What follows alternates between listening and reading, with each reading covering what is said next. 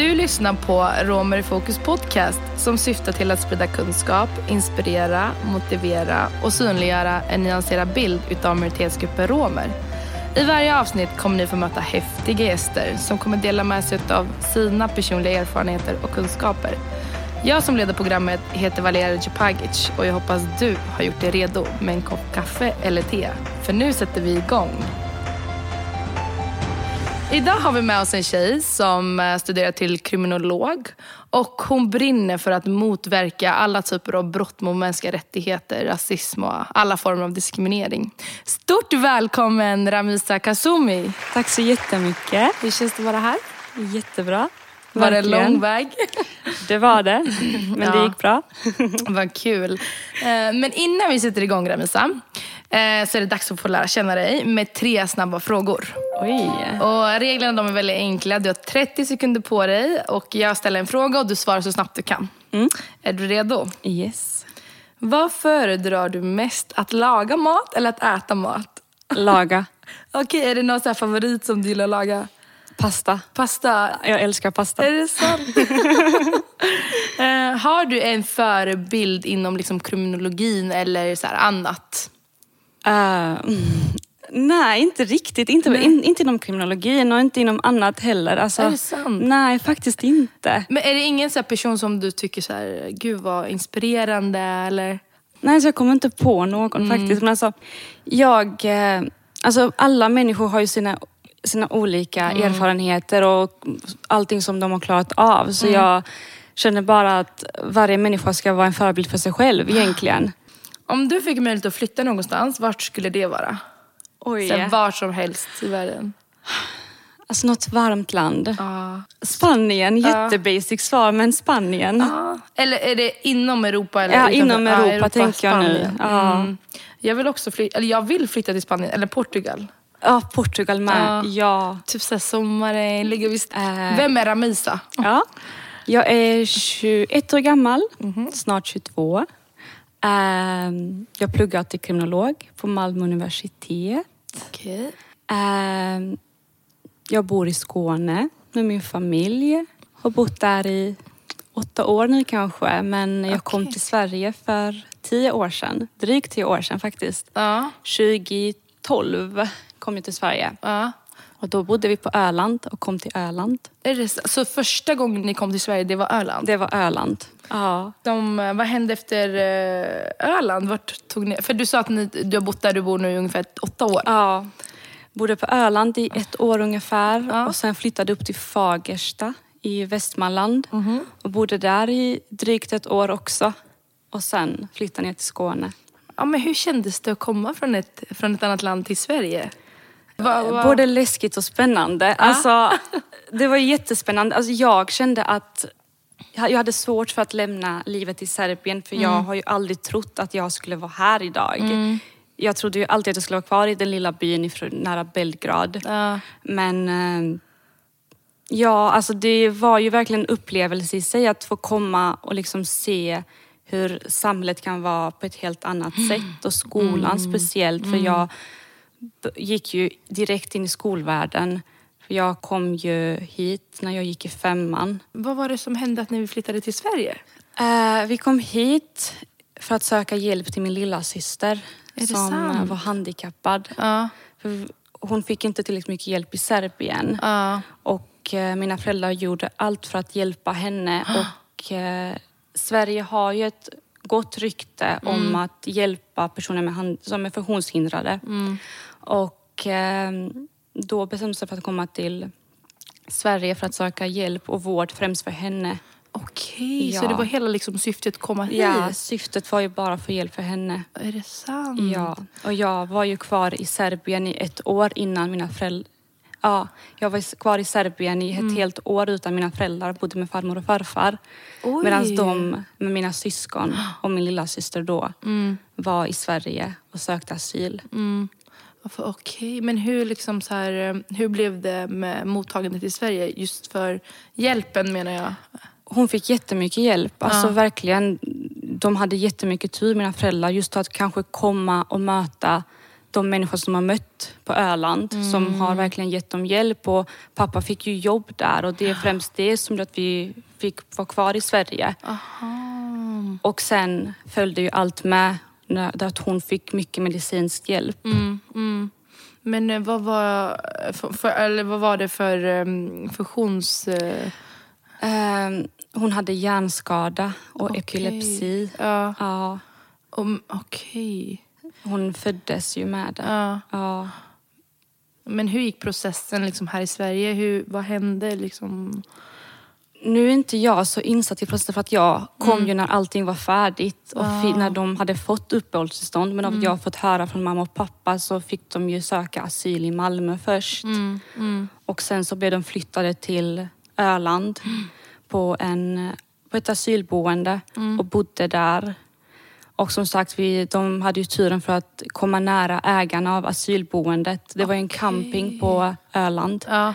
Och pappa ville bara få jobb, eller bara få hjälpa till och de märkte att pappa var så duktig på att jobba. Och, eh, de erbjöd honom jobb och fast tjänst och det var ju det som ledde till att vi- fick uppehållstillstånd. Oj. Och eh, min lilla syster fick ju Mm.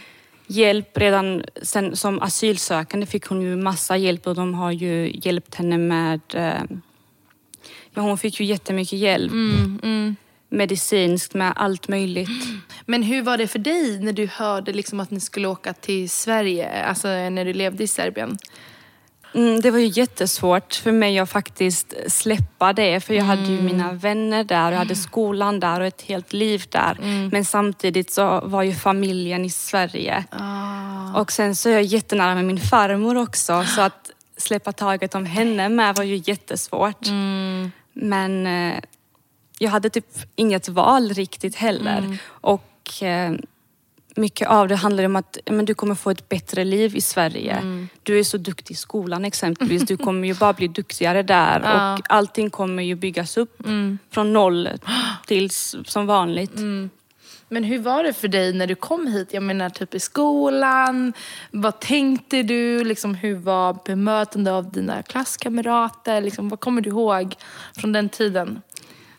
Jag var jättevälkomna. Alltså jag jättevälkommen. Ja. Alltså jag kände inte att någon var främlingsfientlig som kanske är mer vanligt i dagsläget. Utan då var det ju, de var jättesnälla och var typ verkligen Oh, var kommer du ifrån? typ, alltså de tyckte bara att det var spännande att liksom se en annan person. För just då på Öland då fanns det inte många som inte var svenskar och bodde där. Just okej. på Borgholm som vi bodde i. Så du kände typ att de var så nyfikna? Vem ja, är du? jättenyfikna ja. Ah, Men hur var det med, för att jag vet ju själv när jag, jag bodde i Budapest ett tag nu för att plugga där. Och jag visste att jag skulle bara vara där i tio månader för att sen åka hem. Så jag lärde mig aldrig språket där. Och jag tyckte inte heller att det var så himla svårt. Det var jätte, jättesvårt att vara i ett samhälle och inte förstå liksom, vad är det de säger. Eh, så här enkla saker som att vara på tunnelbanan eller bussen eller du vet, i kontakt med en myndighet. Så hur var det för dig, liksom, det svenska språket? Var det också någonting... Eh, Jag tror att jag hade turen med att faktiskt komma till ett ställe där det inte fanns andra som kunde tala det språket som jag talade. Så då var jag tvungen att lära mig svenska. Jag pratade lite engelska men det var lite mycket begränsat. Både från min sida men från deras också, klasskamrater. Lärarna kunde ju prata men det var ju just kompisarna, när man skulle skaffa kompisar. Men de, att lära sig svenska, det tog inte så lång tid. Hur, liksom, hur var processen? Hur lång tid tog det ungefär? Ett halvår skulle jag säga. Halvår? Ja. Till att prata svenska? Ja. Wow! Ja, för Alltså, jag var det ju verkligen tvungen till att Ah. lära mig och eh, jag kom ju i en riktig klass Mm. och jag hade all undervisning på svenska. Mhm. Eh, och jag hade ju en extra lärare Mm. en timme om dagen kanske som fokuserade mest på svenska Mm. och uttal och lära sig olika ord och grammatik och allt det. Mm, Så jag tror att det är det som har gjort att jag lärde mig så snabbt också. Ja, men eh, alltså, i början var det så svårt att hänga med på lektioner och så, tänker jag mig. Alltså, på ett helt... Eller så här, hur kände du i rent kunskapsmässigt? Att, Skolan i, i Sverige är ju mycket enklare. Just låg och mellanstadiet var Ja. ju mycket enklare vad det var i Serbien. sant? Jag har ju gått om när jag kom hit. Jag skulle börjat sexan men jag började femman istället. Aha. För att de trodde att jag kanske inte var ja, men så duktig. Det skulle vara svårt för mig att liksom komma in i det. Mm, Men eh, alltså det var ju svårt att förstå vad de läste. Mm, Matten gick ju hur bra som helst. Men just att förstå allting. Det, Mm, det var ju svårt att komma in och liksom få ett helt sammanhang av lektionerna. Men sen så var det väl mer tur för mig att jag kommit så pass liten. Alltså, Ja. Nu är det kanske inte jätteliten, men att vara 11 och komma in i femman, då är det väl inte så... Ja, jag vet. Ja, men, ja, men jag fattar att det, det blir en helt annan sak. Eller om du hade kommit i den här åldern. Ja, eller Ja. gymnasiet. För då, alltså nu fick jag ändå turen att börja från mellanstadiet i alla fall upp till gymnasiet. Ja. Hur kommer det sig att du valde att plugga till kriminolog? Ja. Jag skrev ett gymnasiearbete om rasprofilering och eh, det var väl det som väckte själva tanken om kriminologi och sen, jag vill ju först och främst bli advokat. Okej. Ja, och det var min stora dröm. Ja. Men eh, jag insåg att det är väldigt svårt att komma in i Lund. För jag ville inte flytta hemifrån. Och jag sökte ju men jag kom tyvärr inte in. Mm. Och då sökte jag ju till både kriminolog, juristlinjen och eh, mäklarlinjen Okej. på Malmö universitet. Mm. Eh, så kriminologi var kanske det som var närmst advokat på det sättet. Mm. Men också att eh, just få intervjua en kriminolog till mitt gymnasiearbete väckte ju verkligen intresset för ämnet. Mm. Och så, jag har ju alltid älskat true crime och jag eh, jag bara tycker om, vill bara veta själva processen bakom vad det är som får en människa till att begå brott och mörda en människa eller begå flera brott. Och för det är ju bara inte så enkelt att säga att det är bara en sak utan det är massa olika. Det är olika faktorer som påverkar. Ja, Ja. ja. Visste du att fördomar och negativa föreställningar om romer har alltid varit och är allmänt spridda i Sverige och Europa? Fördomarna skapas av okunskap och rädsla. Och fördomar om romer är bland annat att alla romer är tiggare, alla romer är tjuvar, de arbetar inte, de är opålitliga, ovilliga att vara en del av samhället, de studerar inte, de snor barn, alla är spåkvinnor och de önskar att leva på resande fot. Ramisa, vi hörde precis det här om fördomar om romer. Eh, och eh, vi vet ju, både jag och du, att fördomar skapas av okunskap och rädsla och det som de här fördomarna om romer inte stämmer. Eh, jag menar, bara det här med att man inte studerar, både jag och du sitter här och vi älskar att studera, det är ju kul, eller hur? Men jag tänker också utifrån att du studerar krimino- till kriminolog. Liksom, du har en helt annan förståelse kring detta. Eh, en fördom som alltid har hängt med är ju till exempel att romer är tjuvar. Hur tänker du kring detta? Liksom, va- va- va- varför uppstår det sådana här fördomar på det sättet om att romer är tjuvar exempelvis? Alltså, det är jättesvårt men jag tror att det är själv, samhället, majoritetssamhället som byggt upp den bilden av romerna speciellt då. Att eh, det bygger ju på okunskap, helt ärligt. Det är ju bara okunskap i grunden. Eh, för det stämmer ju inte alls. Och jag tror att mycket är ju att romer själva inte vågar tala för sig själva och stå upp för sig själva i just sådana frågor och bevisa. Det är faktiskt jättesjukt att vi ens ska behöva bevisa för andra att, vi, att det inte stämmer, alla dessa fördomar om oss. Inte är sanna. Jag tänkte fråga det här, för du sa mm, att många romer inte vågar. Vad tror du det kan bero på? Eller så här, vad, så här, vad menar du med det? Typ? Att, Och till varför de inte vågar Ja, ja. stå upp, alltså det tror jag har mycket med att göra att man känner inte den samhörigheten med alla romer. Vi är ju så olika och det finns olika grupper, olika dialekter och den ena kanske, den ena gruppen kanske är känd för att vara tjuvar. Och då, Men det är ju på dem, vi ska inte behöva bry oss om dem. Alltså den tanken måste ju, finns ändå lite bland olika grupper. Och man, man är väldigt duktig på att klandra ner varandra istället för att stå upp för varandra. Eh, Så du menar typ så att gruppen själv har interna utmaningar för att man är så liksom bred, det är en sån bred mångfald. Samtidigt som man har liksom utmaningar externt. Liksom samhället, majoritetssamhället. Ja. Eh, och att, att det blir svårare då, tänker jag. Eller jag förstår ja, det så som precis, du menar. men det är Mm. så, exakt så jag tänker. Att det finns verkligen problematik inom gruppen själv. Att samhörigheten inte finns. Och det är ju samhörighet som behövs Mm. för att man ska motstå alla dessa stereotyper och eh, fördomar tillsammans. För Mm. ibland så räcker inte det att bara en person gör det. Oftast gör, räcker ju inte det. Mm. Eh, och sen att majoritetssamhället överlag målar upp en sämre bild av oss. Vi har ju själva inte fått skriva vår egen historia och berätta om våra egna berättelser. Det är ju alltid från Gadges sida. Det är ju inte från romernas sida det talas från. Eh, så varje gång exempelvis, jag har tänkt jättemycket på det, att media, det, varje gång romer nämns upp i Aftonbladet är ju fall något dåligt har hänt. Det där har jag faktiskt reflekterat kring, typ hur man... ja, men exakt som du säger, när det är någonting negativt då skrivs det otroligt mycket om det. Men när det är någonting positivt, alltså det tystas ner på något sätt. Det, Ja. det liksom belyses, belyses inte på samma sätt. Och något jag också tänker på, så här, typ det du pratar om hur nyhetsrapporteringen och media har eh, porträtterat romer, är ju om vi tar ett exempel att en rom avviker, eller så här, avviker från normerna, liksom normerna man har i den romska gruppen exempelvis. Då är han eller hon helt plötsligt en representativ för gruppen. Men gör någon det från majoritetssamhället, till exempel något som avviker från de sociala normerna, då är det helt plötsligt en avvikande person. Det är ingen representant. Eller vad tänker du kring detta? För det har jag tänkt jättemycket på den senaste tiden i hur man skriver om romer. Men det, det håller jag med dig om. Det är ju verkligen att avviker en person så målas det upp en jättedålig bild om hela gruppen. Och jag tror att det tyvärr inte är så bara för romer. Utan det är så för många etniska grupper som kanske inte är vita. Utan, men romer speciellt, i och med att det är så dålig bild. Det finns en dålig bild om oss redan och att den bilden förstärks gång på gång.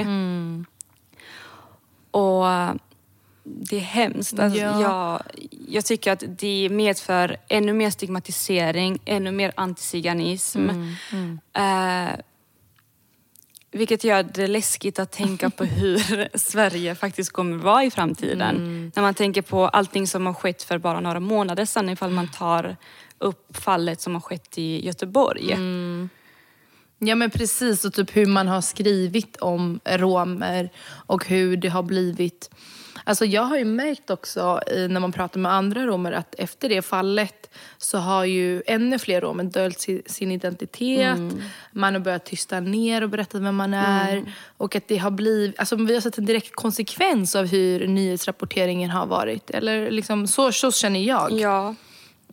Ja, men när jag fick reda på det så var jag direkt ute efter att veta vilken grupp var det som har begått. Alltså, Ja. Jag kände bara, för det här är ju inte, jag har aldrig hört om att nå- en sån hemsk händelse har, har liksom hänt eller skett eh, inom vår romska kultur. Och d- Det, präg, det finns ju väldigt mycket hederskultur, det, ser, det kan jag inte förneka, men inte så pass grov. Så, men samtidigt så vill inte jag känna att så fort man vet vilken grupp det är som ja, men, Har gjort det typ. har gjort ja. det, ja. Att man direkt ska ka- klandra gruppen och säga men det är de, vi är dessa och vi håller inte på med sånt. För det kan jag tänka mig har också förekommit efter det. Inte bara att man inte vågar säga att man är rom, men också att man klandrar just den gruppen. Exakt. Ja, att det blir en helt plötsligt... Eh, att det som händer blir något representativt för gruppen. För det är ju verkligen inte så. Nej. Och jag håller med dig om att till exempel så man skrev om att man har en hederskultur och hela problematiken. Alltså jag skulle vilja säga att eh, så här, hederskultur, kanske inte exakt den benämningen, men att det här är också ett problem om så här, mansdominansen och manspatriarkatet. Det där är också strukturer i vårt samhälle Mm. Ja. som finns i alla typer av grupper. Precis. Sen finns det i större utsträckning i vissa grupper och mindre i en annan. Och, och det är en utmaning som man måste ta tur i och liksom Mm. Precis. verkligen prata om. Men jag tycker det blev så konstigt i hur man rapporterade om det på ett så här fruktansvärt sätt om du Ja. frågar mig. Ja. Ehm, men någonting annat som jag tänker på är, för du tog upp till exempel antiziganismen. Mm. Har, du själv upp, har du själv upplevt antiziganism? Eller ja. Ja, alltså det har jag. jag. Det är kanske inte lika mycket i Sverige som jag har upplevt i Serbien. I och med att jag ändå bott halva mitt liv i Serbien också. Där kunde jag uppleva antiziganism on daily basis. Är det sant? I skolan ehm, har jag upplevt jättemycket rasism. Från ettan till femman. Vad, vad kunde det vara för typ? Så här, vad, ja, vad, kunde det vara för någonting? Det kunde vara blickar, kommentarer, det kunde vara ehm, utfrysningar i början när jag började ettan för jag var den enda romen i klassen. Oj. Eh, så det var ju svårt att verkligen komma in i gruppen bland alla serber specifikt. Och eh, bevisa att bara för att jag är rom så är jag inte annorlunda än vad ni är. Men varje gång något försvann i klassrummet från andra klasskamrater så var det jag som var skyldig till det. Alltså Eh, herregud. Ja, jag kommer aldrig ihåg, jag kommer aldrig glömma när, eh, jag tror det var ettan eller tvåan, Ja. eh, när en klasskompis penna försvann. Och då var jag anklagad för att ha snott pennan. Skojar du? Nej. Men, och det var typ i, vilken årsklass var det? typ Ettan, tvåan. Ja. Så, men så att du så upplevde det här hela, alltså hela skolgången i Ja, Serbien? det har ju trappats ner Ja. för varje årskurs för att man kommit närmare dem och de insåg att det stämmer inte. Men även om de inte var antiziganistiska mot mig så var de det runt så var de det mot andra romer på skolan istället. Och det var ju svårt för då vågade jag inte riktigt stå upp för både mig själv men också mina romer. eller jag mina, för de andra barnen. Men, aha, men hur brukar du så reagera innan när de typ, ja, anklagade för pennan och typ sådana grejer? Alltså hur var din reaktion mot dem? För du sa precis att du var liksom rädd när de var det mot andra, men var det också så mot dig själv? Ja, alltså jag blev ju ledsen. För det stämde ju inte. Jag var så pass liten. Alltså man förstår ju egentligen inte vad det är som sker för jag har inte gjort något. Jag är inte skyldig till det. Så ofta så var, blev ju föräldrarna inblandade. Och då fick man prata ut och då fick de be om ursäkt och att det inte kommer hända igen. Men Har det haft någon slags effekt på dig? Eller? det har det. Det har haft en grov effekt. Så pass grov att jag inte riktigt har vågat, när jag väl kom hit, att jag inte vågat vara öppen med min romska identitet till en början. Sant. Mm. Så jag, eh, när jag presenterade mig för klassen så sa jag ju att jag var från Serbien. Jag vågade ju inte nämna rom. Ja. Jag vågade inte, alltså jag bara, det här var ett tillfälle för mig, för jag kommer säga det, att bygga upp en identitet. Och utelämnade rom ska inte behöva gå igenom det jag har gått igenom. Det här var verkligen en ny start för mig. Ja. Okej, men hur, liksom, vad hände efter det? Eh, eller för nu är du öppen med din romska identitet. Det är jag. Ja. Eh, när vi kom hit så de flesta visste inte ens vad en rom var, just Mm. på Öland. Så mina föräldrar var väl väldigt öppna med att säga att vi är romer från Serbien. Mm-hmm. Men de visste inte riktigt vad det var. De, Serbien, ah, Novak Djokovic sa de ju direkt. Men de uteslöt ju romer, alltså rom. De förstod inte så då tog jag det som ett tillfälle att bara säga men jag är från Serbien, jag är en serb. Mm. Eh, och det har jag gjort fram till eh, jag började gymnasiet. Okej.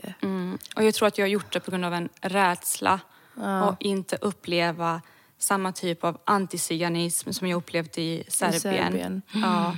Både, nu har det inte varit lika mycket från lärarnas håll i Serbien. Nej. Men jag, blev ju, jag var ju bara rädd på hur människor skulle se på mig ifall jag berättade att jag var rom.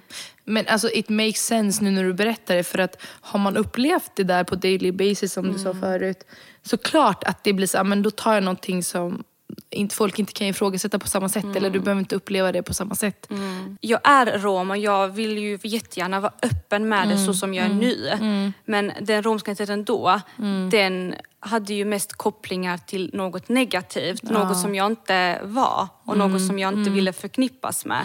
Och då kände jag att det enklaste vägen för mig då var ju att gömma det och tränga bort. Eh, Nu när jag tänker på det så är jag jätteledsen att jag har gjort det. Och jag blir jätteledsen att höra men jag tror att alltså, någonting som gör mig ännu mer ledsen jag tänker att jag tror att det är jättemånga som har gjort exakt som du, det du berättar. Att det är många fler. Känner så här, undrar hur många där ute som känner exakt likadant som dig. Ja. Eller liksom har gjort samma grej. Eh, Jag vet i vissa sammanhang, till exempel arbeten. Innan då så brukade jag ta bort mitt, eh, att jag kunde romani, jag tog bort det. Eh, och när de frågade mig så la jag in liksom Bosnien eller Serbien ibland. Eh, och skrev att jag kunde bosniska eller serbiska. Vi- Vilket jag kan inte så jättebra. Jag, har, jag kan bara enkla fraser. Men jag la in det istället. För att jag ville ha mer än bara två språk där. Eh, vilket är jättesorgligt om vi tänker efter. Ja. Liksom, hela romska var borta från mitt CV. Jag ville inte att det skulle synas. Det är jättehemskt. Det är det. Och alltså, just det att vi är så rädda från att kunna berätta om att vi är romer, det i sig gör att stigmat och fördomar om oss växer och blir större. För om vi själva inte vågar berätta att vi är romer så tror jag att problemet med antiziganism och fördomar och allt annat kommer vara kvar. Ja men definitivt. Och vi har också sett det, att det liksom ökar för då, som du sa förut i början, att vi måste på något sätt motbevisa, vilket också är jättesjukt. Att de fördomarna som finns ute i samhället måste vi motbevisa att det inte är sant. Ehm, har du så tips eller tankar till personer som lyssnar på det här, som kanske är i den här processen där de säger att de är från Serbien eller någon annanstans. Eh, liksom, vad, har du något råd till dem? Eller vad, vad har du så här? Men att våga, det, det, må, det kommer vara svårt. Nu har jag haft turen att inte uppleva eh, att inte uppleva något negativt när jag har berättat om att jag var rom. Utan jag för det mesta har bara fått positiva reaktioner. Eh, och var inte rädd. Och får de negativa så är, ligger inte felet i dig. Utan felet ligger hos den andra personen Precis. och den personens tankesätt. Bara våga visa vem du är för att den romska identiteten kommer aldrig försvinna ifrån dig oavsett hur mycket du försöker tona ner den. Så är det den du är. Och jag tycker inte att vi ska behöva gömma den utan vi ska vara stolta över den. För exakt. att vi har så mycket positivt i den romska Ja. kulturen. Ja. Och så mycket att vara stolt över. Nej men jag håller med dig, verkligen. Men eh, om du fick eh, ge dig själv råd till när du var ungefär fem år sedan. Vad skulle du säga till dig själv då? För fem år sedan var ju då jag precis hade börjat och berättat att jag är rom. Ja. Och eh, jag hade önskat att berätta för mig själv och vara öppen med det tidigare. Ja. Verkligen. För att det, det har släppt en så stor tyngd från mig också. För att innan så var jag lite rädd ifall någon fick reda på att jag är rom och jag hade gömt det, hur Ja. reaktionen från den personen skulle vara då. Typ om de kommer på det? Ja, Ah. speciellt i klassen när jag gick i högstadiet. Ja. Det var ju bara svårt att vara invandrare där. Ah. Alltså just i den byn som jag, bod, som jag bor i. Mm, Och att vara invandrare och rom. Det, Du sa dubbelt. Ja. Så hur det skulle ha påverkat mig och min skolgång och allt mitt mående först och främst. Alltså jag tänker så här, för det du pratar om är ju så minoritetsstress. Typ, att man alltid måste förhålla sig till sin identitet, liksom rädslan. Ehm, men alltså jag bara så undrar, när du berättar, för du sa att du har fått mycket positivt när du har berättat att du är rom. Så det betyder, alltså så här, jag menar, den här rädslan man bär på, det behöver inte alltid leda till, alltså att berätta att man är rom behöver inte alltid leda till någonting negativt. Nej. Utan det är bara den här rädslan som finns inne i en. Eller förstår du vad jag menar? Det är för, för du sa ju precis förut att du, det är, inte- det är mycket positivt som du har. Ja, alltså möta. när jag berättat för att jag, att jag är rom, till exempel för lärarna på gymnasiet som jag har gått på. De har inte ens brytt sig om det. Mm. Utan de såg ju mig för den jag är. Mm. Och sen så tror jag att mycket med det har att göra med att Kristianstad Mm. har inte så många romer. Okej. Där är inte många romer. Det är ju, vi är ju bara några familjer. Ja. Hade det varit fler kanske, Ja. då hade den negativa reaktionen tyvärr varit större. Och Aha. ja, Tror alltså, du det? Eller jag tror det. Ja. Va- Varför då? Nej, men för att en av fördomarna är ju att romer kanske är jättehögljudda Mm. och problematiska. Och det kanske stämmer till en viss, inte att det stämmer till- 100 procent, men alltså sådana personer finns ju i varje grupp. Exakt. Rom eller inte, det spelar ingen roll. Men att just icke-romer, de eh, kommer ihåg en rom för det dåliga och inte allt annat som den personen kanske åstadkommit och visat. Så jag tror att antiziganismen hade varit bredare. Okej. Jag- Men det jag tänker på liksom, i din utbildning och liksom att du läser till kriminolog. Eh, tidigare har man ju till exempel Roma-registret, det här olagliga etniska registret som polisen eh, förde av romer i Skåne. Och eftersom att du är inom det här området, liksom, kriminologin. Eh, hur skulle du se på liksom, tilliten mellan polisen och romer? Eller hur har det varit? Har du själv upplevt någonting inom din utbildning? eh, just kopplat till den romska identiteten? Eh, nu, de, många av arbeten som jag har skrivit och hemtentor och uppsatser har jag försökt koppla till romer och romers utsatthet. För jag tycker det är jätteintressant för att romer är en väldigt sårbar grupp och utsatt grupp och deras tillit för rättsväsendet överlag inte är så stor. Och när jag läste många andra rapporter som skrivits tidigare det stämmer ju. Många romer litar inte på polisen och dels på grund av romregistret. Men eh, tilliten finns inte främst. Det har ju minskat efter registret såklart. Ja. Och när jag själv fick reda, på om, fick reda på om registret, då gick jag i gymnasiet och det var av min samhällskunskapslärare. Aha. Eh, Jag vet inte hur det kom på tals. Men när han berättade om det, jag tänkte bara gud, är jag med i denna? Är det sant? ja, men jag är glad att jag inte är med i den för jag Mm. har kollat upp det för jag ville ju eh, veta. Le- ja. Ja. Men gud vad hemskt. ja. Eller vad var känslan när du hörde det? Eller så, vad var din första tanke? Alltså då kände jag bara, gud, händer det verkligen detta? Ja. Alltså är detta sant? Jag kunde, inte, jag kunde inte förstå, tro på det. Ja. Att polisen ska ha kunnat göra något så pass grovt. För det är ju grovt i mina ögon. Alltså, Ja. Det är grovt. Det är inte bara mina, det är grovt överlag. Ja, alltså det för mig är det, alltså det, det alltså vi pratar om antiziganism, det är antisemitism på högsta nivå. Ja. Och det är någonting som absolut inte får hända Nej. i dagens samhälle. Alltså det, Precis. och speciellt när man pratar om Sverige och liksom vilken stat, när man, Mm. liksom en av vän, länderna i världen som är så för mänskliga rättigheter och är ett Precis. föregångsland inom de här Ja. frågorna. Ja. Och gör man någonting sånt mot sin egna minoritet. Såklart kan inte det vara liksom en representativ bild av hela Sverige. Men om man vet liksom romernas historia i Sverige och liksom hela den här systematiska kartläggningen man har gjort över århundraden. Och så händer det 2020, ah, 2013. 13 var det va? Ja. Alltså det är helt ja, men jag sjukt. kunde inte förstå att det, att det har hänt så tätt inpå. Mm. Hade det varit på 70-80-talet då hade jag kanske trott på det ändå. Ja. Men att det kunde hända på 20, alltså under 2013, det är Ja. ju sjukt. Det är helt galet. Men så du fick så här, lite, eh, vad ska man säga, så shit är jag med? Ja, alltså jag kände bara, hur kunde detta ens gå till? Alltså Mm. varför? Vad var meningen? Vad var syftet bakom det?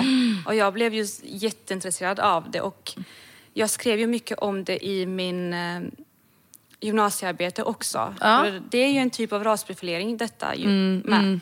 Så, eh, och just det gör, alltså jag har eh, försökt koppla romregistret till utsattheten idag också och hur polisen ser på romer idag. Ja. Och jag har eh, försökt och tona ner tanken på att de här tankarna inte förekommer längre och att rättsväsendet och polismyndigheten kanske lärt sig av sina misstag.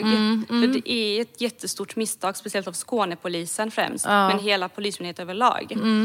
Men eh, det har inte riktigt stämt. Alltså Okej. av min egen Ja. upplevelse. Hur menar du nu? Blev jag jättenyfiken.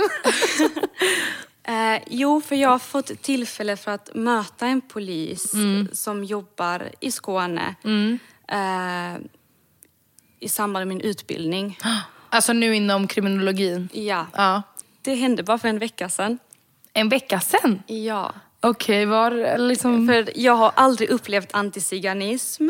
Men nu har jag faktiskt upplevt det från en polis också. Du menar antisemitism i Sverige? Eller? Ja, i Sverige. Ja. Och eh, nu ska jag berätta lite om, Ja, för ja. jag, har, jag går en kurs nu som, eh, där jag ska ha en praktik, kan man väl säga, Ja. och jobba, ha ett samarbete med polisen. Mm. Och då har jag fått i uppdrag, jag och min grupp har fått i uppdrag att utvärdera eh, vykort Mm. som har skickats ut till äldre personer i Skåne eftersom att de blir bedragna på pengar. Mm. Och eh, vi hade ett möte med vår uppdragsgivare, Mm. en person från polisen, Ja. Eh, som skulle berätta lite om lite mer bakgrundsinformation om ämnet och hur brett det är och eh, hur det har utvecklats och hur utvecklingen ser ut idag. Och då kom vi in på att prata om förövarna och vilka det är som begår det här brottet. Och då sa polisen något i den här stilen att eh, personer som begår det här brottet har kallats för kringresande. Och, eh, Va? ja, och eh, man känner igen dem med Z-ordet. Han sa, Sa ju, han det? Han sa inte Z-ordet, men han sa Z-ordet som en, ett ord. Ja. Ah, så han använde begreppet Z-ordet, han sa inte liksom vad nej, det är. Ja. Nej. Och, men de känns, som, rå- de känns igen som romer idag och det är de ni ska fokusera på. Sa polisen detta? Ja, För en vecka sedan? ja och Till där det- satt jag. Alltså, va? ja. Nej, alltså, men jag visste inte heller hur jag skulle reagera på det för att han kanske sa annat med, eller han kanske inte sa det i det här stilen som jag kanske har berättat nu. Mm. För att jag zonade ut verkligen. Ah. För att jag kände att absolut romer kanske är överrepresenterade. Och I det här fallet I det här liksom. fallet, i den här typen av brott. Det kan jag, alltså det kan jag köpa. För att olika etniska grupper är överrepresenterade i olika typer av brott. Men det betyder inte att hela gruppen i sig Nej, begår de här inte. brotten. Eh, så jag, alltså jag bara tyckte att hans sätt att föra fram och berätta att det är romer som begår det här, de här brotten, det var inte alls lämpligt för en polis att säga. Men alltså, så här, vad var din reaktion eller din grupps reaktion? Var det någon som reagerade? Liksom... Nej, tyvärr reagerade ingen i gruppen, men jag själv kände att jag måste reagera. Och då sa jag till honom att, men du, alltså jag var verkligen lugn. Jag försökte vara lugn, även ifall man, jag kunde inte Fullt hålla mig känslor lugn. typ. Ja. Så sa jag till honom, men du, jag är rom och sitter här idag. Oh my god. Alltså han blev mållös. Och frågade ifall jag inte var arg på dem. Men alltså va? Men sa, du måste väl vara arg på dem? I och med att det var en uppdragsgivare, en person som jag kommer jobba tätt in på i två månader. Herregud. Så kände jag inte att jag vill komma i en diskussion på första mötet. För det är en jobbig diskussion också. Ja. Så alltså jag blir upprörd att prata om det nu Nej men alltså jag blir också det. Jag blir såhär, men alltså på riktigt. För då kände jag mig riktigt utsatt. För att Mm. jag tror, han visste ju inte att jag var rom och det var det som var det sjuka. För att jag tänker, hade han sagt det på ett annat sätt Mm. ifall han visste att en rom satt där. Hur skulle han framföra det då? Eller hur skulle han ens säga det? För jag, tror, jag tycker inte att det är relevant. Nej, verkligen inte. Det är inte relevant för att vi ska ju utvärdera sättet de har försökt nå den här gruppen och inte komma åt förövarna. Mm. Eh, Wow, alltså Ramisa vilket mod att sitta där öga mot öga och bara vet du vad, det du snackar om det är helt fel för att jag är också rom. Mm. För jag antar att han ville dra den här, ja men det där är romerna, det är romerna. Mm, Ja, precis. men så sitter du där och bara, vänta, jag är också rom. Mm. Så och det är det här som jag vill liksom komma fram till förut. Så fort en eller några romer gör någonting, de blir en representation för hela Precis, gruppen. Men man precis. tänker så här, men vet ni hur många otroligt många romer det finns? Alltså miljontals romer runt om alltså, i Europa och, Mm. Och vi är även ingen världen. homogen grupp och man kan inte dra en, man kan inte se det som en enhetlig grupp. Nej. Alltså det är ju det jag kände att om en polis uttrycker sig så här i, det här, i utbildningssyfte. Mm. Hur är man ifall man möter ett offer som är rom? Hur möter man en gärningsperson som är rom? Mm. Skyller man på dem sinsemellan? Mm.